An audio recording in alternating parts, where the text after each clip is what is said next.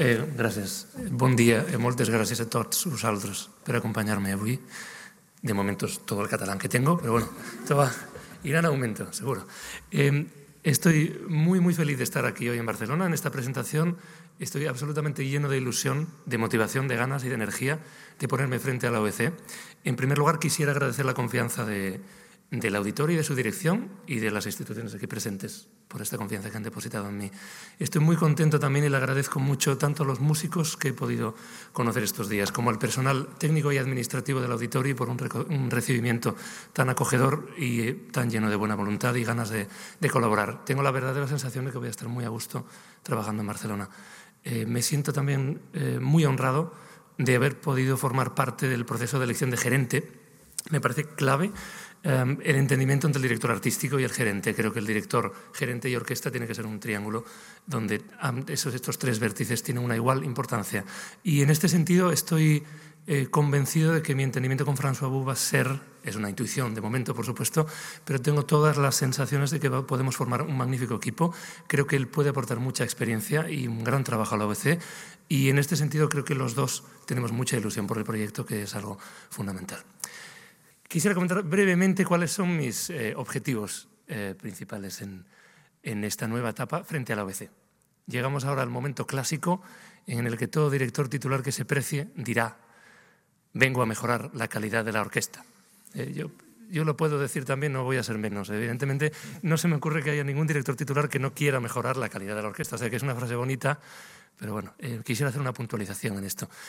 A mi entender, la calidad de los músicos de la OBC es alta. La OBC tiene grandes músicos en la orquesta y yo es una de las sensaciones que tuve cuando tuve la oportunidad de trabajar con ellos hace creo que es año y medio haciendo siete conciertos.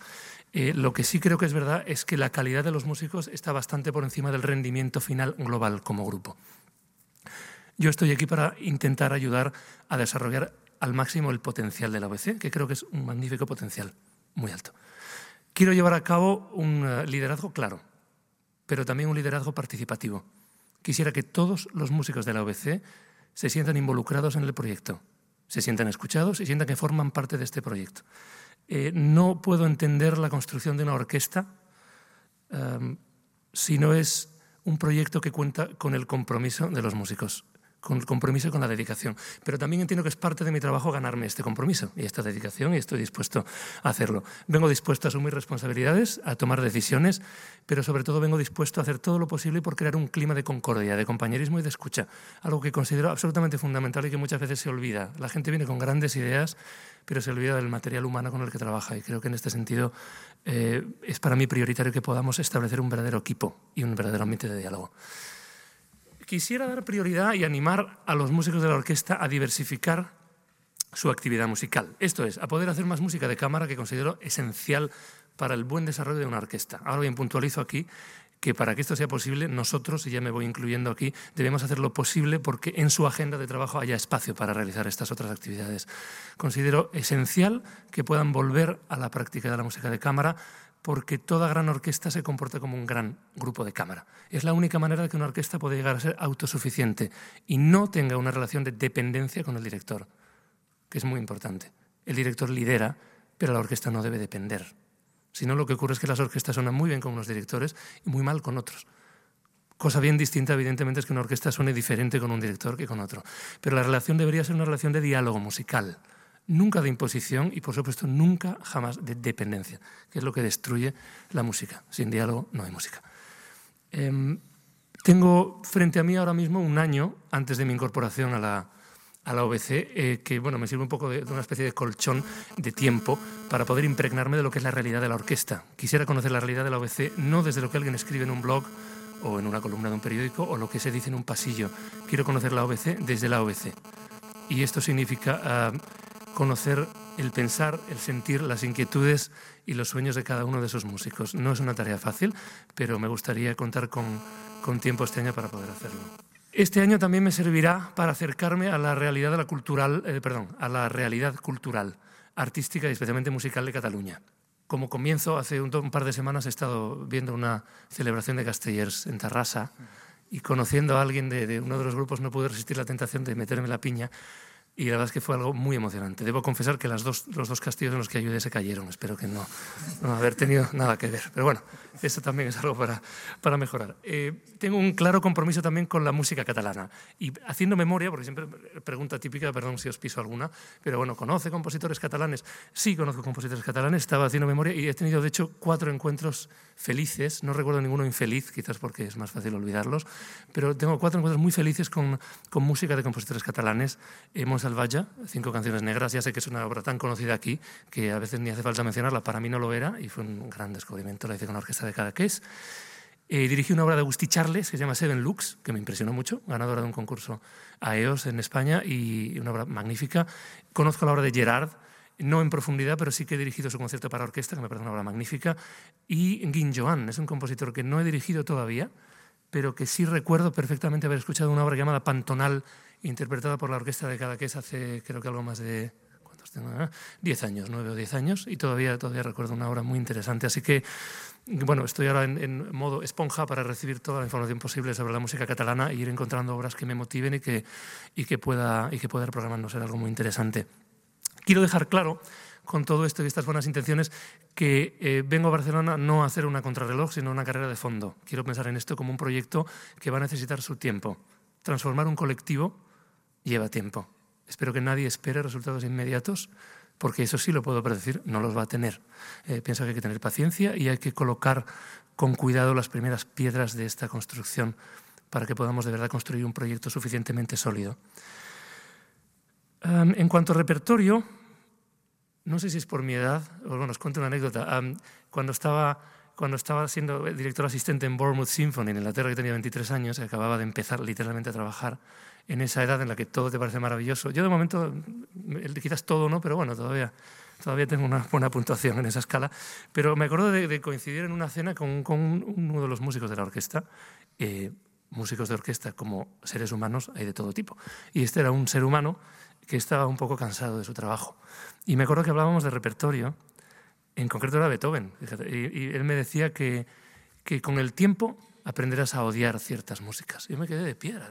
Y verdaderamente, hablando con gente, es sorprendente cuánta gente tiene odio hacia una música. Es que no soporto Berlioz, alguno.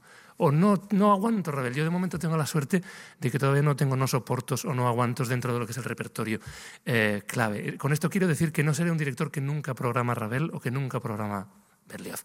Estoy abierto a todo. Sí me gustaría encontrar una programación en la que haya un buen equilibrio entre el repertorio clave o más bien establecido de la historia de la música, que es un hermoso y magnífico patrimonio cultural, y por supuesto propuestas más arriesgadas e innovadoras, entre las que incluyo sin duda la música contemporánea, pero también buscar una programación más dinámica, con, con líneas, eh, con pequeños ciclos dentro de la temporada, con, con apuestas eh, más eclécticas en cuanto a la, a la conjunción de los programas. Eh, ahora menciono tres aspectos que me parecen atractivos de estar aquí en Barcelona, mejor dicho, de estar aquí trabajando en el auditorio, aparte ya de, de, lo que es la orquesta propiamente, de lo que ya he hablado. Uno de ellos es una increíble tentación para mí, saber que tengo la SMUC a menos de 10 metros, yo creo, de la puerta principal del auditorio, es algo maravilloso. Yo cuando estudiaba en Londres, en la Guildhall School, eh, teníamos la London Symphony al lado y para mí era algo tan importante poder estar viendo la orquesta y escuchándola en cuanto quería, tenía un rato libre, podía irme a oír un ensayo, que, la, que las propias clases que recibía. Creo que para la OBC es fantástico tener esa energía renovadora, esa ilusión desbordante que tienen los jóvenes, eh, esas ganas que tienen siempre de descubrir obras nuevas. Alguien que ha tocado 80 veces la quinta de Beethoven eh, se beneficiaría mucho de tocar al lado de alguien que la toca por primera vez. Y creo que a todos nos viene muy bien esta experiencia. Eh, para mí el trabajo con jóvenes siempre ha sido primordial. Este domingo, de hecho, empiezo una quinta de Mahler con la Honde y, y es algo que me, que me motiva muchísimo. Así que espero, y lo digo ya desde ahora mismo, espero tender puentes, creo que ya están tendidos, de hecho, espero reforzar las conexiones con la SMUC y que podamos tener muchos proyectos conjuntos. Algo que también me me, encanta del Auditori es el programa de, creación y fidelización de nuevos públicos que hay. Especialmente me han hablado muy bien del servicio educativo y he podido ver de cerca, bueno, he conocido a algunas de las personas que trabajan allí y he conocido algunos de los proyectos que se han hecho y estoy entusiasmado con esto. Es uno de los temas que yo creo que a todos los músicos y a todos los amantes de la música en general nos preocupa, el de la variedad de los públicos, porque hay un sector de edad que no viene en los auditorios. Y creo que la solución está siempre en la base. Eh, no recuerdo el número concreto de de niños que han pasado por aquí el año pasado, pero bueno, yo me quedé de piedra cuando vi las cifras, algo fascinante y hermoso. Y otra cosa que a mí me, me, llega muy dentro y que me parece esencial, porque es algo que me pregunto como artista constantemente, ¿para qué sirve mi trabajo? Bueno, todos nos lo preguntamos en nuestros trabajos, pero quizás un artista más.